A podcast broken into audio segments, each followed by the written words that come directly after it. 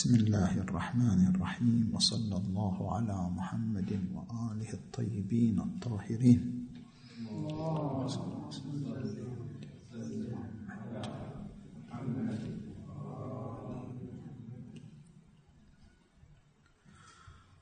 وصل البحث إلى المحور الأخير بعنوان تزاوج البرهان والوجدان في نقد النظرية الإشراقية.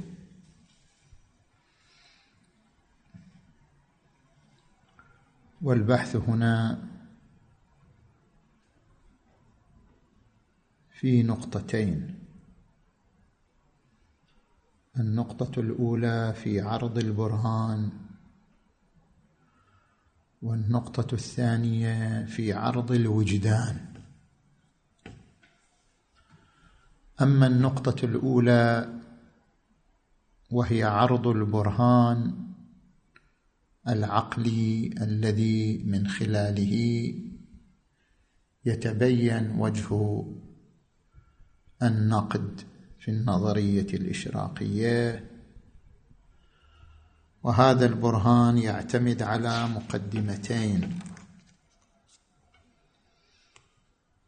المقدمة الأولى هناك بحث في الفلسفة المتعالية في معنى نفس الأمر حيث يقال إن القضية صادقة لأنها مطابقة لنفس الأمر. فما هو معنى نفس الأمر؟ مثلا عندما يقال قضية لكل معلول علة هذه القضية صادقة. لماذا صادقة؟ لأنها مطابقة لنفس الأمر. ما هو المقصود بكلمة نفس الأمر؟ وهناك في تفسير معنى نفس الأمر ثلاثة آراء. الرأي الأول وعبر عنه الشيخ الفياضي في شرحه لنهاية الحكمة بأنه رأي الجمهور. هو الثبوت التبعي لما ليس له مطابق. لا خارجا ولا ذهنا. بيان هذا الرأي. أن كل قضية صادقة فلها مطابق. إذ كيف تكون صادقة إذا لم تتطابق مع شيء؟ فإن الصدق بمعنى المطابقة بين القضية وبين شيء آخر. فالمطابق تارة يكون خارجيا وتارة يكون ذهنيا وتارة لا يكون المطابق لا خارجيا ولا ذهنيا. فإذا كان المطابق خارجيا كما إذا قلنا الإنسان موجود. فعلا في الخارج الإنسان موجود. أو الإنسان ضاحك أو الإنسان ماشي أو الإنسان. ممكن الوجود. قضية خارجية لها مطابق في الخارج. وتارة يكون المطابق ذهنيا في الذهن ليس له وجود في الخارج.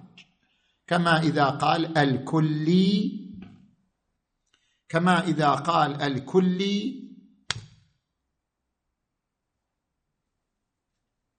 كما إذا قال الكلي ذاتي أو عرضي. الكلي نفس هذا المعنى وهي الكلية. ما لها وجود في الخارج. لأن كل ما هو موجود في الخارج فهو جزئي. إذ كما يقول الفلاسفة يقولون الجزئية أو التشخص مساوق لشنو؟ للجزئية. كل ما هو متشخص فهو جزئي. التشخص يساوق الجزئية فلا يوجد في الخارج كلي. اذا الكلية هي شنو؟ هي مفهوم لا يرتسم إلا في الذهن لا مطابقه له إلا في الذهن. الكلية وهي عبارة عن الشمول والعموم والانطباق على كثيرين. الانطباق على كثيرين أمر ذهني. زين. فالذهن عندما يتصور الكلي بمجرد أن يتصور الكلي يتصور معنى الكلية يوجد مع الكلية صفاتها. من صفات الكلية أنها إما ذاتية إما عرضية. كلي الإنسان هذا ذاتي. لأنه ينطبق على كل إنسان بالذات. بينما كلي مثلا الضحك أو كلي الماشي هذا كلي عرضي لأنه ينطبق على كل إنسان بالعرض وليس بالذات. اذا انقسام الكلي إلى ذاتي وعرضي كله في الذهن ما إلى مطابق في الخارج. في الخارج لا يوجد كلي ولا ذاتي ولا عرضي ما يوجد في الخارج هو الجزئي زيد وبكر وعمر هذه تسمى قضية ذهنية. عندنا قسم ثالث. قضية صادقة لكن مطابقها. ليس في الخارج وليس في الذهن. اذا أين مطابقها؟ فيمثلون له مثلا هذا مر علينا المثال عدم العلة علة لعدم المعلول.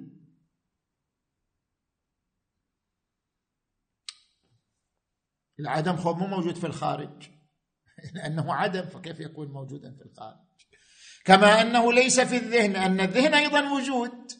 كما أن الخارج وجود الذهن أيضا وجود والعدم هو اللا وجود.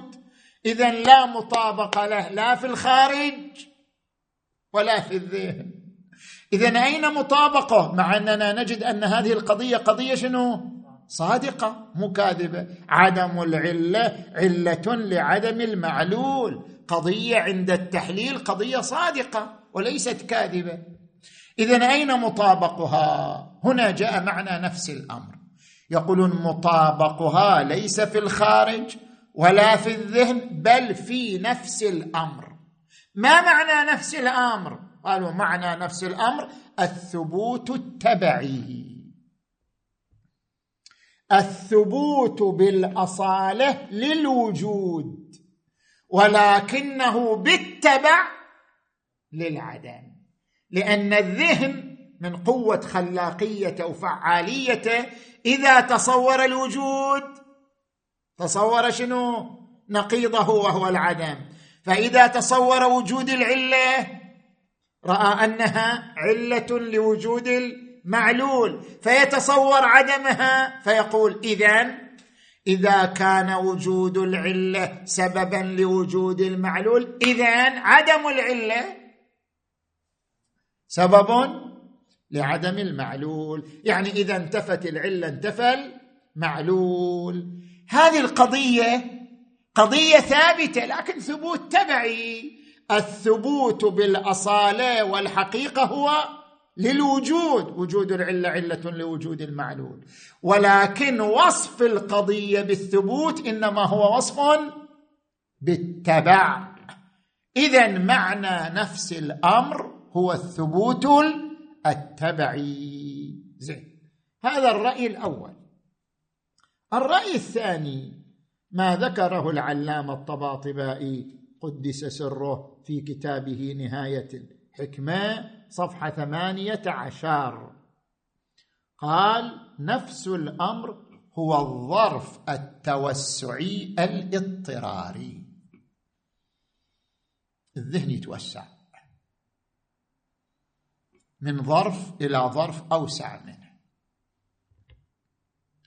بناء على أصالة الوجود لأن السيد العلامه يرى أصالة الوجود يعني ما في شيء إلا الوجود. كل ما سوى الوجود فهو مجرد اختراع ولا ما في شيء إلا الوجود. طيب إذا كان الأصيل هو الوجود وحده. فلا يوجد مطابق حقيقي إلا للوجود.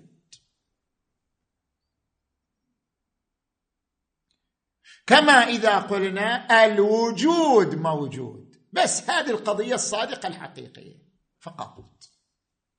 فقط القضية الصادقة الحقيقية هي الوجود موجود. ما سوى ذلك؟ مطابقه نفس الأمر. المطابق الحقيقي هو الوجود موجود. ما سوى هذه القضية؟ مطابقه كله داخل في كلمة نفس الأمر. حتى قولنا الإنسان موجود. يقول الإنسان موجود مو موجود. الموجود هو الوجود مو الإنسان. الذين يقولون بأصالة الوجود هكذا يقولون. الإنسان مو موجود حقيقة. الموجود هو الوجود. اذا إلحاق كلمة الوجود والثبوت بالماهيات كأن تقول الإنسان موجود الشجر موجود الحجر موجود الملك موجود. إلحاق كلمة الوجود بالماهيات كل مجازي كل بالتبع. يقول السيد العلامة لما كانت الماهيات ظهورات للوجود توسع الذهن في الوجود فوصف به الماهيات وإلا هو وصف فقط للوجود نفسه.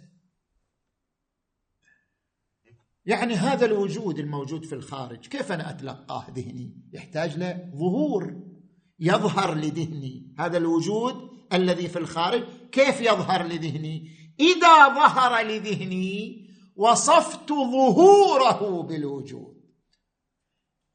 أنت الآن أمامي أنت وجود.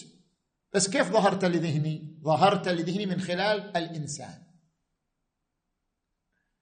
وإلا ما هو موجود في الخارج وجودك. أما الإنسانية هذه مجرد شنو؟ ظهور للوجود. ظهور في وين؟ في الذهن. يعني لو ما أكو ذهن ما في كلمة الإنسان موجود. لو ما أكو ذهن ما في كلمة الحجر موجود. ليس هناك إلا موجودية الوجود.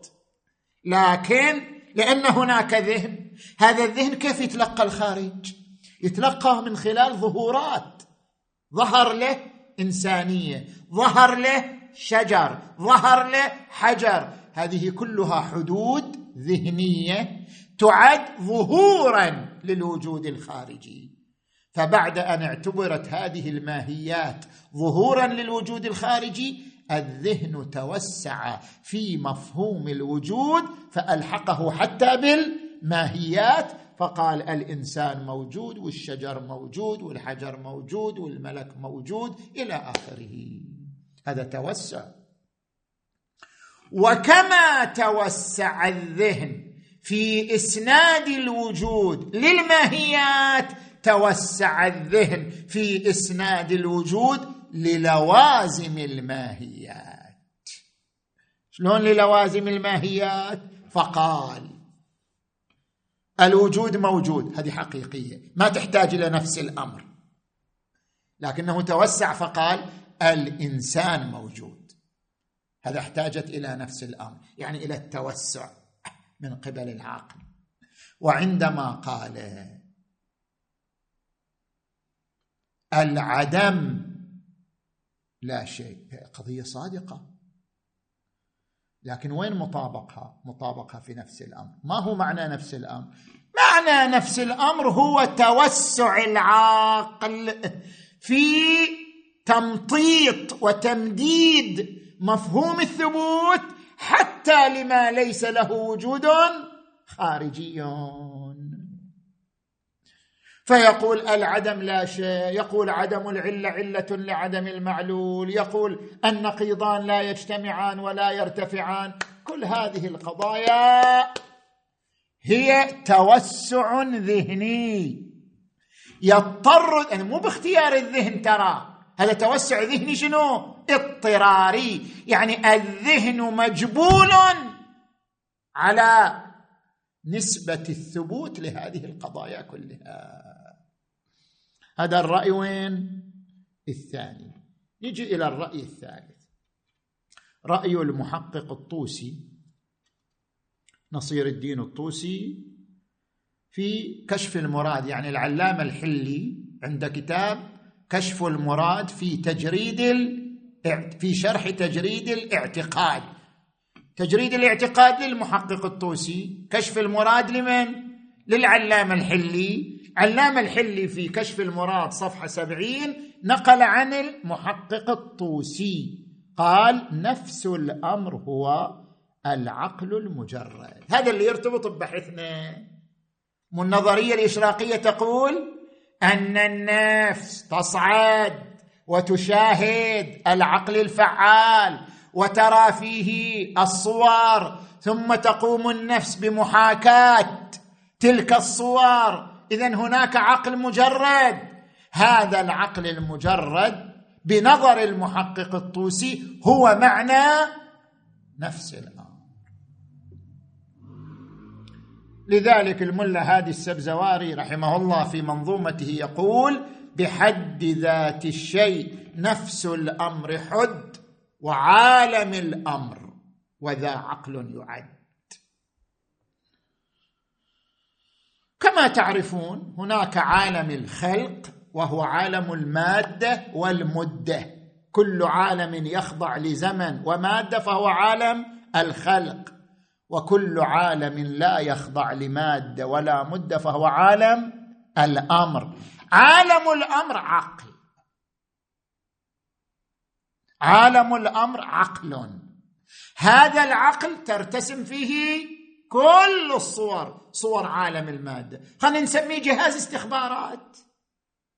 عالم الأمر جهاز استخبارات. عالم الأمر يعبر عنه العلامة الطباطبائي في كتاب الميزان أنه الكرسي وسع كرسيه السماوات والأرض. الكرسي جهاز استخبارات فيه جميع معلومات السماوات والأرض. وعنده مفاتح الغيب لا يعلمها إلا هو ويعلم ما في البر والبحر وما تسقط من ورقة إلا يعلمها ولا حبة في ظلمات الأرض ولا رطب ولا يابس. كل ما في الوجود المادي صوره وين؟ في عالم الأمر. في العقل الفعال. فيما نعبر عنه بقولنا الكرسي. وسع كرسيه السماوات والأرض. طيب. فاذا كيف تكون القضية في ذهني صادقه أنا أنا أتصور النقيضان لا يجتمعان ولا يرتفعان. وهذا ما موجود في الخارج. أنا أتصور العدم لا شيء. هذه مو موجودة القضية في الخارج. أين مطابقها كي تكون قضية صادقة؟ قال مطابقها مريح, مريح. مطابقها صورة في وين؟ في عالم الأمر. صورة في العقل الفعال. هذا هو.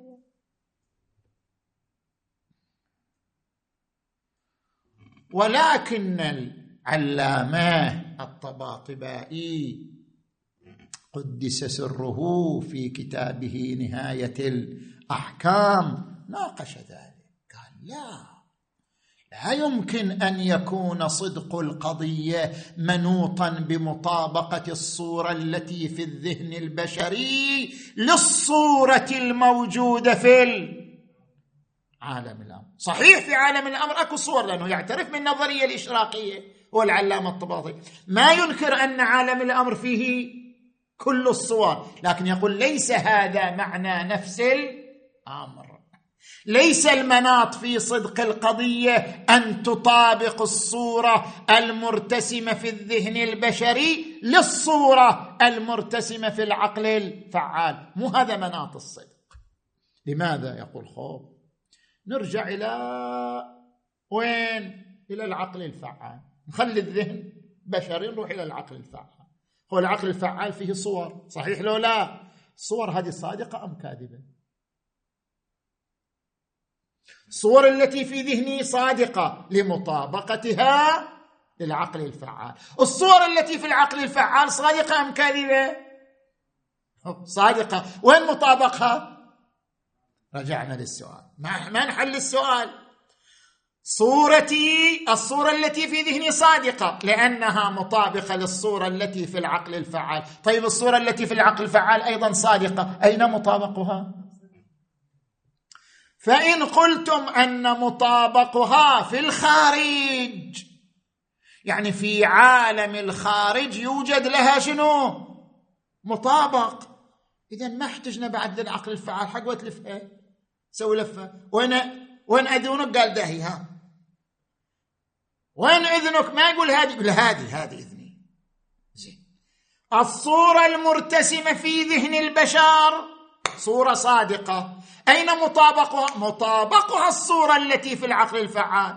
والصورة التي في العقل الفعال صادقة. وين مطابقها الذي في الخارج. خب مرة واحدة يقول الصورة الموجودة في الذهن البشري صادقة لأنها مطابقة لما في الخارج. من دون حاجة لهذه واسطه اذا وجود هذه الواسطة من أجل تحقيق مناط الصدق لغو لا حاجة له. فإن كان الخارج كان وجودها في العقل لغوا زين؟ وإن كان في عقل آخر لزم تسلسل.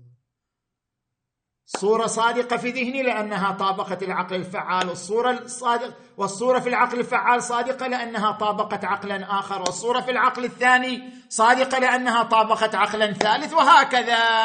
فيلزم التسلسل والتسلسل محال. إذا العلامة يريد يحاصر صاحب هذا القول يقول لازم تعترف بأن معنى نفس الأمر لا خارج لا ذهن لا عقل فعال. معنى نفس الأمر أنها قضايا.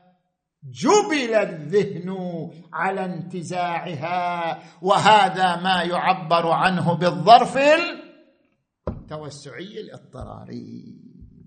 أما ما قلته ما يحل المشكلة. يا يا يلزم اللغويه يا يلزم. تسلسل إحنا كل هذا المطلب نريد نستفيد منه لصالحنا. نروح إلى المقدمة الثانية. النظرية الإشراقية تقول بأن جميع الصور التي في ذهن الإنسان والتي هي عبارة عن العلم الحصولي مسبوقة بعلم حضوري والعلم الحضوري هو عبارة عما تشاهده النفس العاقلة في وين؟ في العقل الفعال. فإن النفس العاقلة عندما تترقى إلى أن تصل إلى مشاهدة العقل الفعال يكون علمها بالصور التي في العقل الفعال علما حضوريا. لأن الصور مجردة والنفس مجردة وعلاقة المجرد بالمجرد علاقة حضور.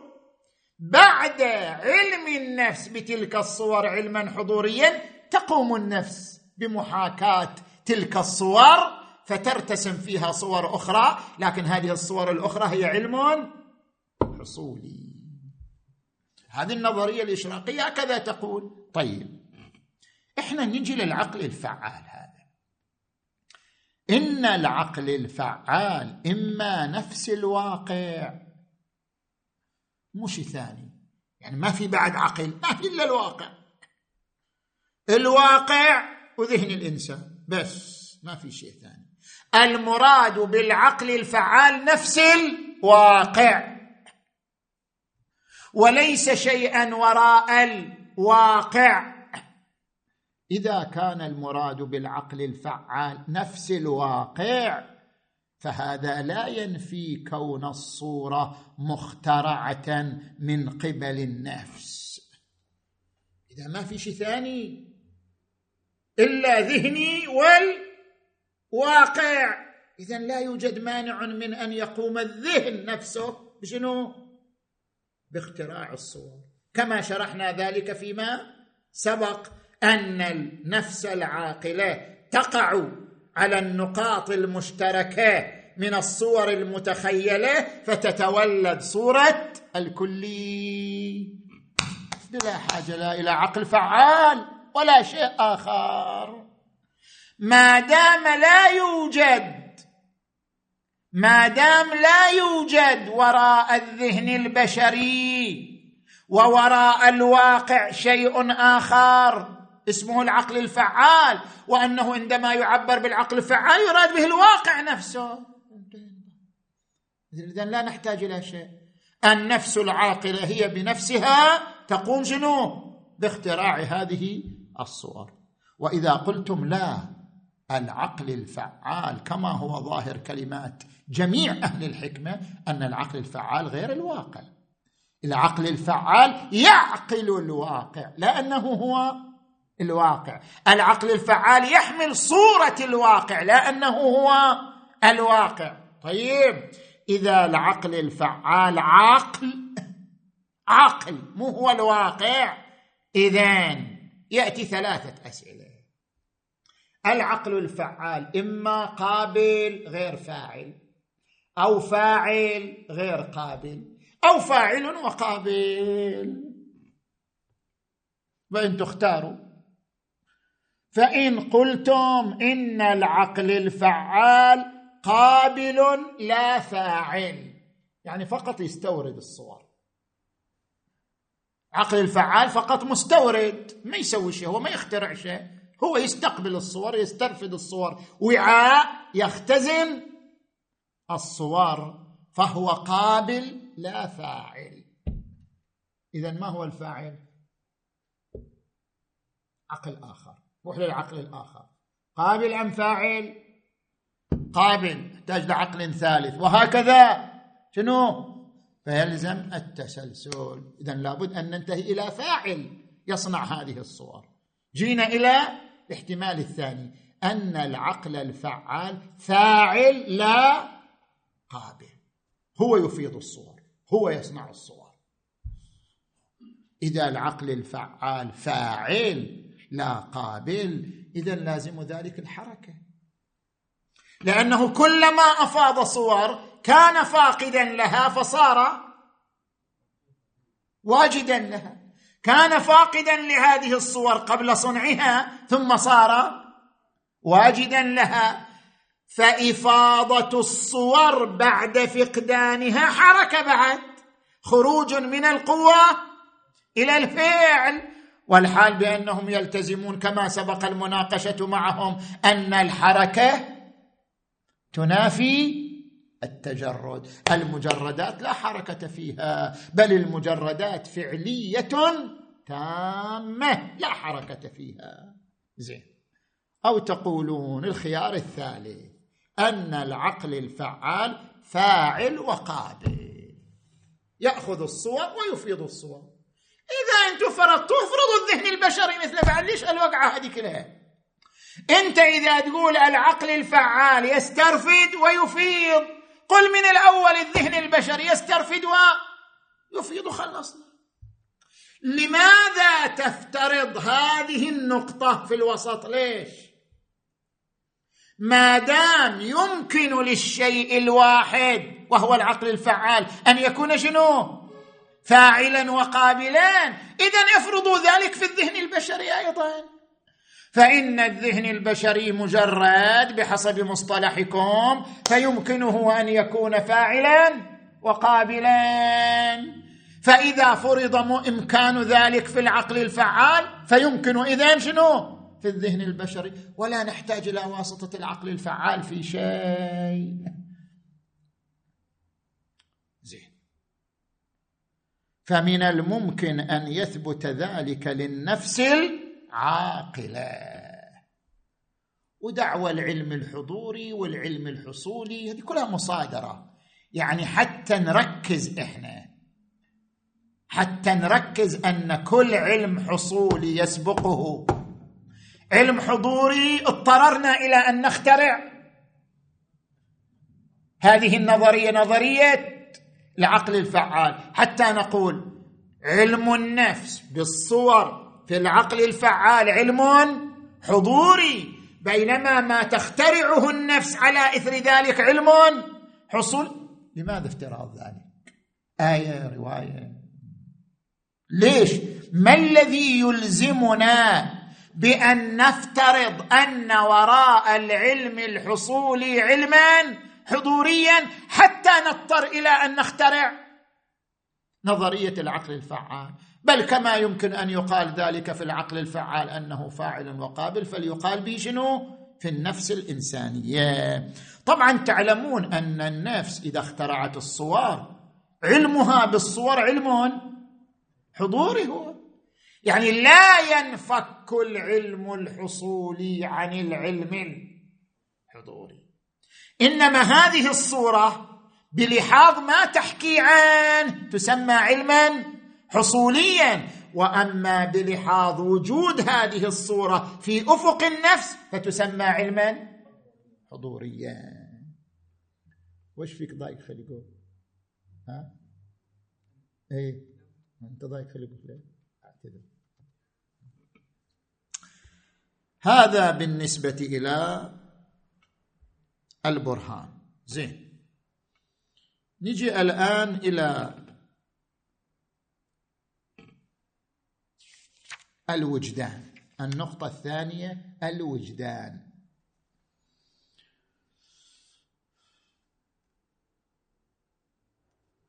في عرض الوجدان المعبر عنه ببرهان الخلف. إحنا أحيانا نعبر نقول الخلف. هو يعبر عنه في الفلسفة برهان الخلف. شنو المقصود برهان الخلف؟ يعني ترجع ترجع المناقش إلى الوراء. ترجعه تقول له إذا تلتزم بهذا يلزمك هذا فانت ترجع إلى قضية سابقة موجودة في ذهنه. فيسمى برهان الخلف أو الرد. برهان الخلف أو برهان الرد. أي أنك تلزم الطرف المقابل بما في ذهنه من قضية سابقة. برهان الخلف أو برهان الرد على اية حال. ويتضح ذلك من خلال موارد ثلاثة. المورد الأول النقض بالحسن والقبح. فإن الإنسان إذا فعل صدقا كان فعله حسنا وإذا فعل كذبا كان فعله قبيحا. وفعل الإنسان يتصف بالحسن والقبح. فهل يمكن وصف فعل الإنسان بالحسن والقبح بناء على نظرية استناد معلومات الإنسان إلى العقل الفعال كما هو مقتضى النظرية الإشراقية؟ نقول لا. ليش؟ وذلك استنادا لمقدمتين المقدمة الأولى. الإرادة.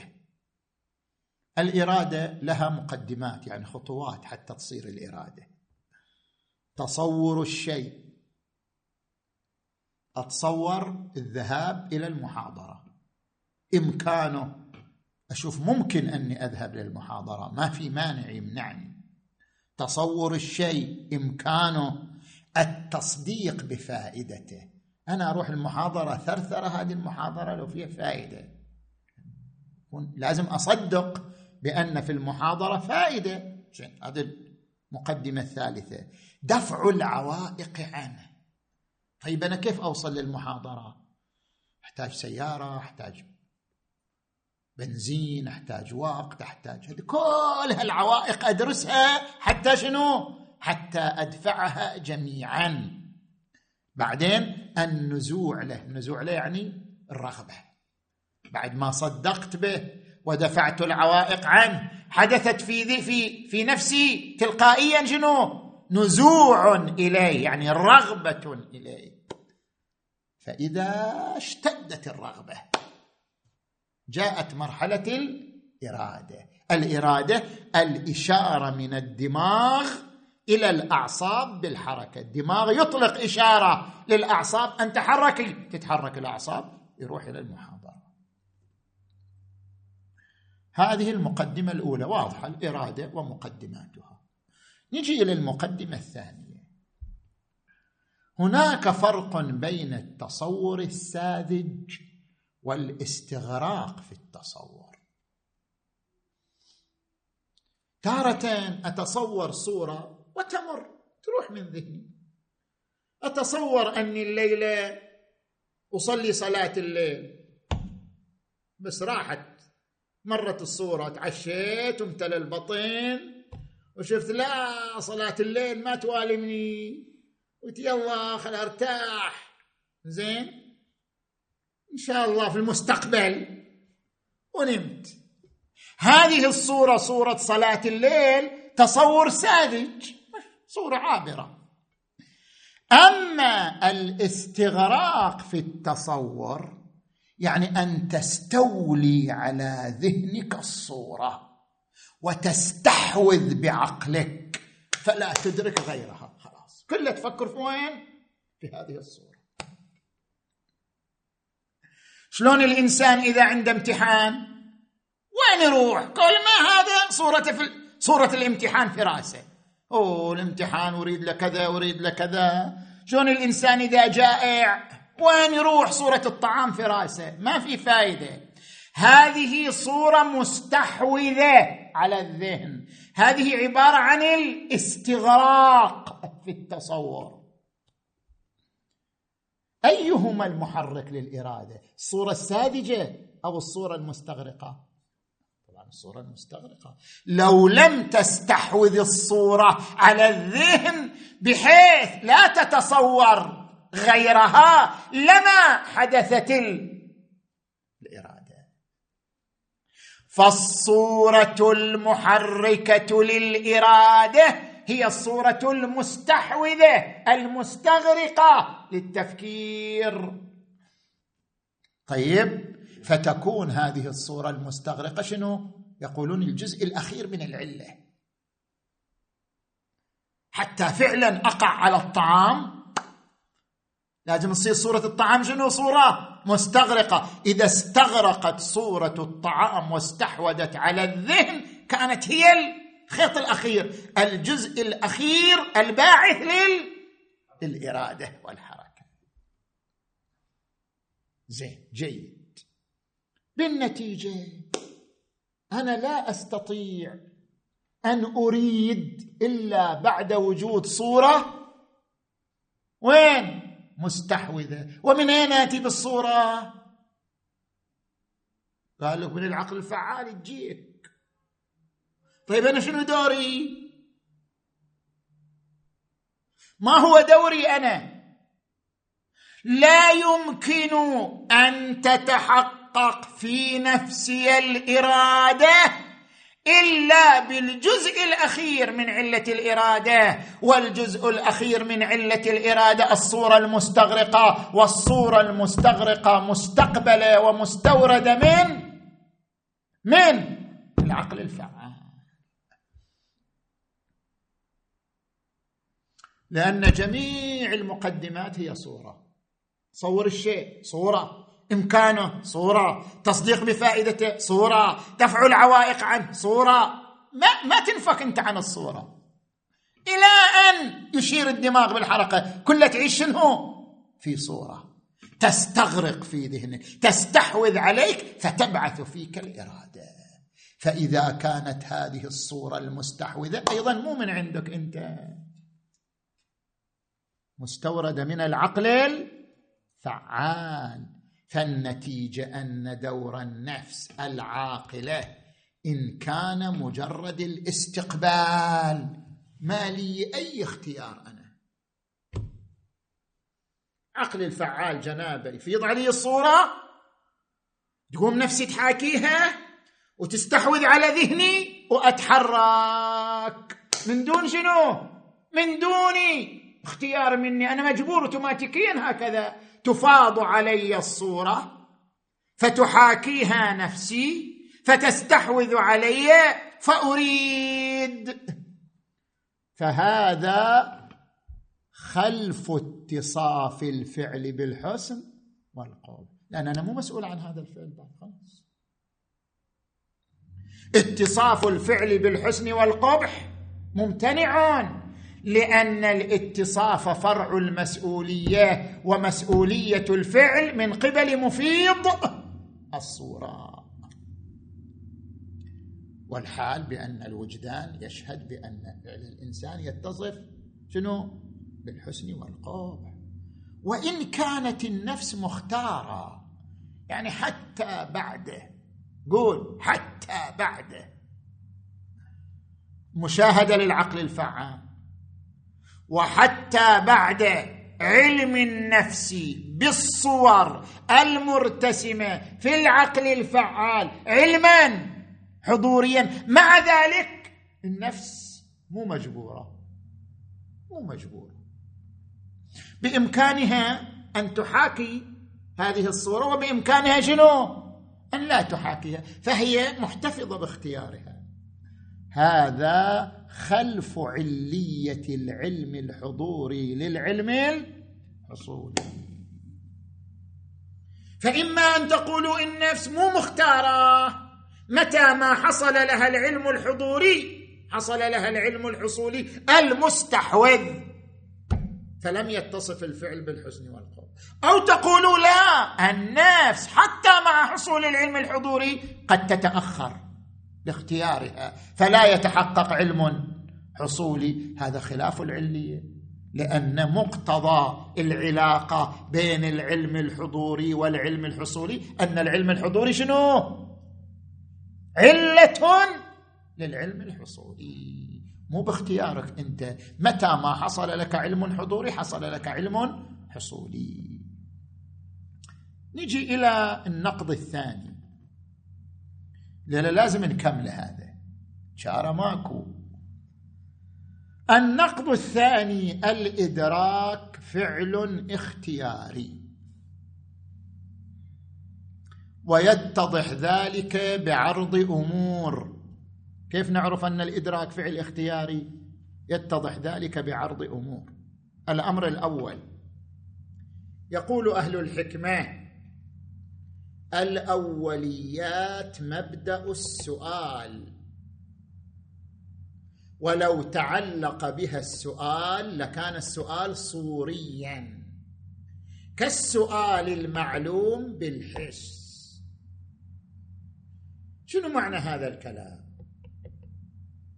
ما يصير عندك سؤال إلا بعد وجود أوليات عندك. مستحيل يتولد السؤال صدفة ومفاجأة. لازم تسبقه أوليات. الأوليات مبدأ السؤال. يعني أحسست بالحرارة؟ جاء السؤال. من وين جت الحرارة؟ حرارة ماذا؟ مثل الآن أنا سمعت صوت صوت ماء صوت صوت أي شيء هذا؟ الأوليات مبدأ السؤال. من أوضح الأوليات الإحساس. الإحساس يثير السؤال. ولو تعلق السؤال بالأولويات لكان سؤالا صوريا. شلون تسأل عن ما هو منشا لسؤالك؟ لو واحد قال أنا أحس بالحرارة هل أنا أحس بالحرارة؟ شنو معنى الكلام هذا؟ إحساسك بالحرارة مبدا أولي فلا معنى لتعلق السؤال به وإنما يتعلق السؤال بما بعده. لا يمكن أن يتعلق السؤال بنفس الأوليات لأن الأوليات مبدأ للسؤال. ولذلك النقيضان لا يجتمعان من القضايا الأولي لا يتعلق بها السؤال. الذهن بفطرته يدرك أن النقيضين لا يجتمعان. أما لو سأل هل فعلا النقيضان لا يجتمعان؟ سؤال صوري لأنك متى ما رجعت لوجدانك وجدت وجدانك شاهدا بأن النقيضين لا يجتمعان. لا يتعلق السؤال بالأوليات وإنما الأوليات مبدأ السؤال. لذلك ذكروا في بحث إثبات واجب الوجود جل وعلا قالوا إيمان أو تصديق النفس بما هو أول بذاته من الأوليات. النفس تدرك ما هو ثاني مو ما هو أول. أنا لست اولا بذاتي. صح؟ قبلي وجودات كثيرة. أنا لست اولا. من أرجع للوجودات. وجود بعد وجود وجود قبل وجود أنتهي. سوف أدرك وجودا اسمه أول بذاته. إدراك النفس للوجود المعبر عنه أول بذاته. هذا الإدراك من الأوليات. لأنه لو لم يكن هناك أول بذاته لما كان هناك ثاني وثالث ورابع. فكما أن هناك ثاني وثالث ورابع إذا قطعا هناك أول مو أول من غيره أول بذاته. فإدراك النفس ما هو أول بذاته من الأوليات التي هي مبدأ السؤال. ولذلك لا يصح السؤال عنها بأن تقول هل هناك أول بذاته؟ بعد هناك أول بذاته؟ لو لم يكن هناك أول بذاته لما كان هناك شيء آخر. فالسؤال عن الأول بذاته سؤال لاغو صوري. زين هذا الأمر الأول حتى يتضح. الأمر الثاني عندك عدة مراحل تمر بها. جهل بعدين شك بعدين سؤال بعدين فحص وتمييز.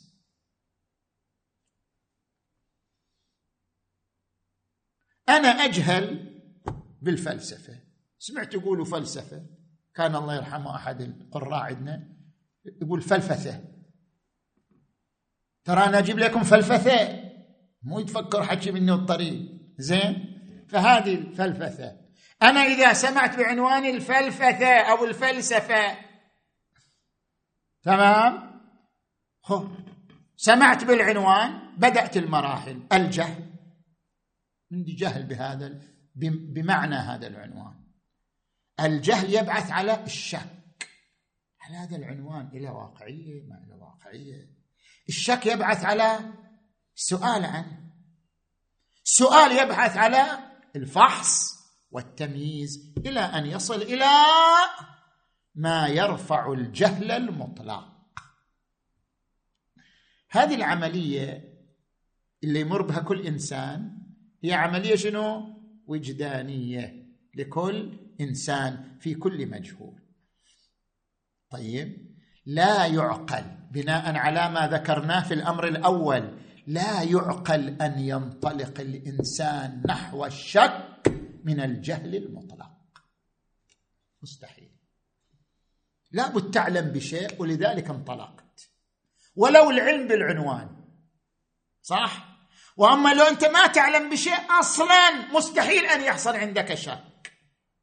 فالشك الذي يبعث على السؤال الذي يبعث على البحث يبدأ بشنو؟ يبدأ بجهل. لكن جهل تفصيلي وليس جهلا مطلق. الجهل المطلق مستحيل أن يكون منطلقا للشك والسؤال والبحث بل ما هو المنطلق لكل ذلك؟ الجهل التفصيلي. يعني تعلم بشيء وتجهل بشيء آخر. نجي إلى الخطوة الثالثة أو الأمر الثالث. ارجع لوجدانك. بعد ما عندنا العكاز الا الوجدان إذا رجعنا إلى الوجدان وجدنا أنه يشهد بأن الانتقال من العلم الإجمالي ما قلنا الجهل المطلق مستحيل أن ينتقل منه.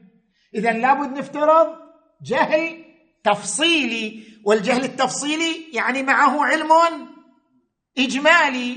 تعلم اجمالا بشيء وتجهل تفصيلا به. لابد نفترض علم إجمالي وإلا لا يمكن الشك.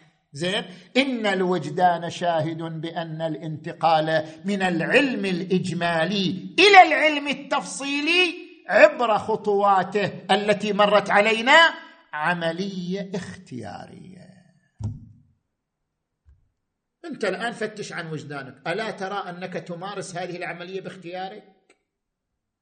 اختيارك تجهل بشيء؟ فتشك فيه. باختيارك تكمل باختيارك ما تكمل.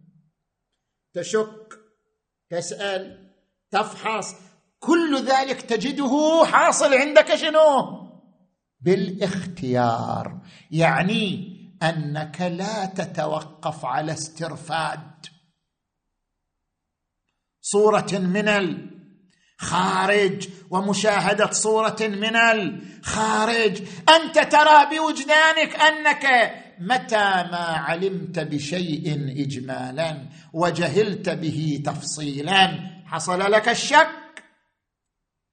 فالسؤال فالبحث والتمييز كل ذلك عملية تمارسها بالاختيار وإلا. لو قال واحد أنا أنكر أن هذا اختيار. أنكر. أنا أقول لا. لانسان يشاهد الصور في العقل الفعال وتحصل فيه هذه العملية بشكل أوتوماتيكي بدون اختيار منه. نقول وإنكار ذلك يعني إنكار هذه العملية الاختيارية كإنكار إدراكنا لإدراكنا فهو خلف وكذا الأول. لو قال واحد أنكر أنني أمارس هذه العملية باختياري إذا نقول أيضا نحن ننكر أننا ندرك أننا ندرك. هل تقبل هذا؟ لو قال واحد أنا لا أدرك أنني أدرك. شنو هذا شنو المصادمة للوجدان؟ واضح أنك تدرك أنك تدرك واضح. يعني لو ادعى شخص أنه لا يدرك أنه يدرك. لقيل له أن به خللا. وإلا من أوضح الأمور الوجدانية أنك تدرك أنك تدرك. فكما أن إدراكنا لإدراكنا أمر وجداني لا يقبل الشك فكذا ممارستنا لعملية الانتقال من العلم الاجمالي إلى العلم التفصيلي. عملية اختيارية بالوجدان.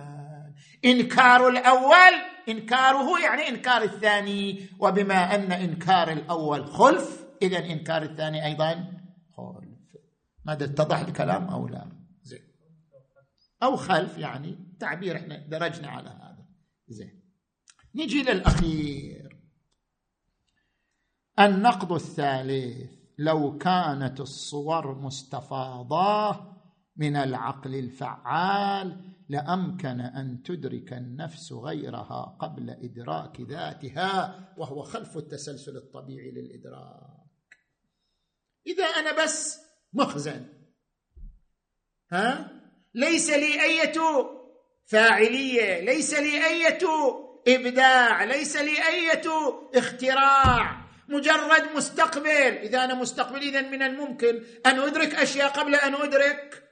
نفسي لأنه حتى صورة نفسي هي صورة مستوردة ومستقبله إذا كانت الصور المرتسمة في نفسي كلها مستوردة مستفاضة اذا ما الذي يوجب هذا الترتب الطبيعي؟ بأن لا أدرك غيري إلا بعد أن أدرك نفسي. إذا قلتم بأن هذا إبداع من النفس طبيعي النفس لن تبدع تصور غيرها قبل أن. شنو؟ تتصور نفسه طبيعي. ما دام مسار التصور منطلقا من داخل النفس فإن النفس لن تدرك غيرها قبل أن تدرك نفسها. ولكن إذا كان مسار التصور مفاضا من الخارج. اذا من الممكن أن تدرك النفس غيرها قبل أن تدرك ذاتها وهذا خلف التسلسل الطبيعي للإدراك. نجي الآن إلى النهاية. الخلاصة. الخلاصة. الآن بعد هذه الآن وصلنا كم عدد المحاضرات؟ ها؟ سبعة عشر. يا الله. بعد أن وصلنا إلى نهاية محاضرة السابعة عشرة. قلنا بعد هذا كله المقدار الثابت برهانا ووجدانا ما طرحه السيد الصادق. قدس سره. في كتابه فلسفتنا. صفحة ستة وستين. لا جاب علم حضوري ولا علم حصولي ولا تجرد النفس ولا ما نحتاج لهذا السالف كله قال الصور الحسية مادة لانتزاع المفاهيم الثانوية. بس ما قام عليه البرهان والوجدان هو الحاجة إلى الحس. والله أخرجكم من بطون أمهاتكم لا تعلمون شيئا.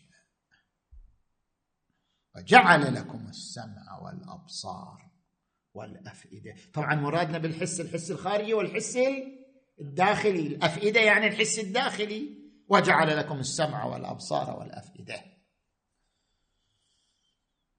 هذه الصور الحسية اللي تجيني من طريق الحواس الخمس أو تجيني من الداخل.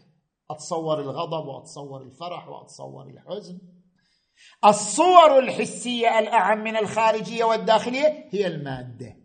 المادة الخام لانتزاع المفاهيم الثانوية اللي سماه الطباطبائي بالتوسع. آه الظرف التوسعي الاضطراري هو هذا.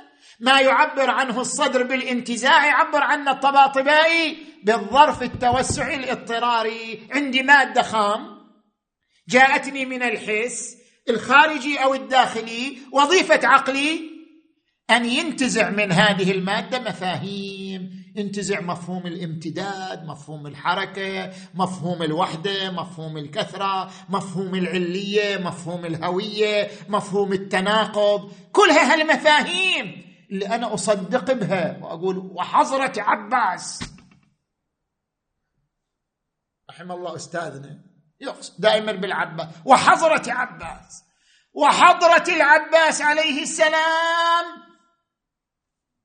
أنني أقسم أن النقيضين لا يجتمعان وأن لكل معلول علة. وأن, لك وأن كل شيء هو هو وليس غيره. هذا يسموه مبدأ التناقض ومبدأ العلية ومبدأ الهوية. وأن هناك امتداد وهناك حركة وهناك وحدة وهناك كثرة وهناك قوة وهناك فعل. كل هذه المفاهيم سواء كانت مفاهيم أفرادية أو مفاهيم تركيبية منتزعة من المادة الحسية. لخلاقية الذهن وفعاليته هذه كلها النظرية. كلها تلخص فيها. السطرين طيب؟ من دون حاجة لإقحام استناد العلم الحصولي إلى العلم الحضوري. سلمنا في علم حضوري؟ لا. ما سلمنا؟ النظرية تامة. ومن دون حاجة إلى افتراض تجرد الصور أن الصورة مجردة وليست ماديه حتى لو هي مادية. بالنتيجة النظرية تتم. المادة الحسية الصور الحسية عفوا مادة لانتزاع المفاهيم الثانوية. وبالتالي بعد أن حررنا نظريتنا نجي الآن إلى المدرسة الحسية والمدرسة العقلية. المدرسة الحسية تقول الممون الممون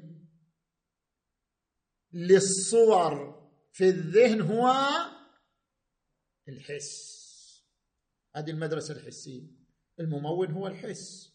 طيب شنو مقصودهم بالممون هو الحس؟ إذا كان مقصودهم بأن الممون لجميع الصور الحس حصرا. حصرا يعني شنو؟ يعني جميع الصور. ما لم تكن حسية فهي قضايا كاذبة وقضايا خيالية.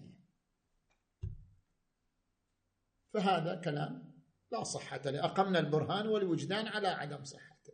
ووجدنا أن كثير من القضايا بل هي أكثر كلها شنو؟ منتزعة لأنها قضايا حسية. صحيح انتزعت من المادة الحسية لكنها هي ليست حسية هي منتزعة من الصور الحسية لأنها حسية.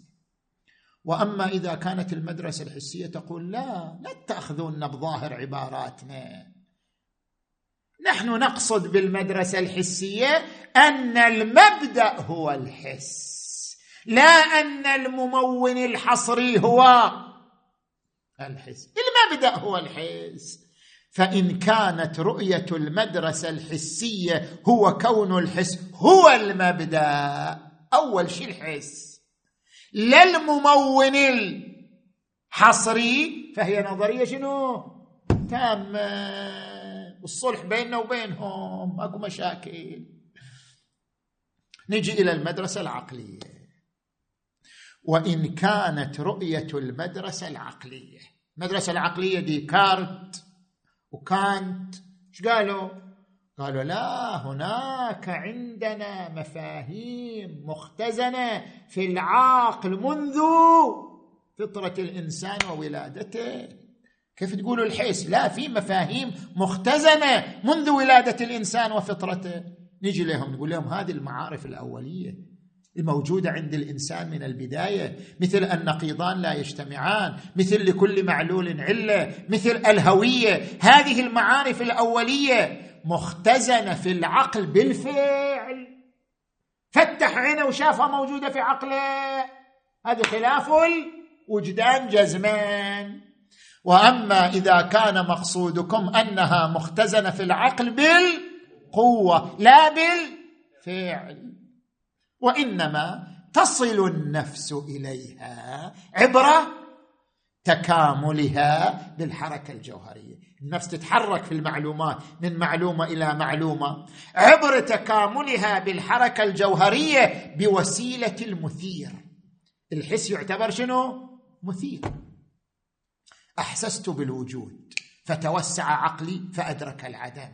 فلما أدرك العدم قارن بينهما. فلما قارن بينهما قال النقيضان لا يجتمعان ولا يرتفعان.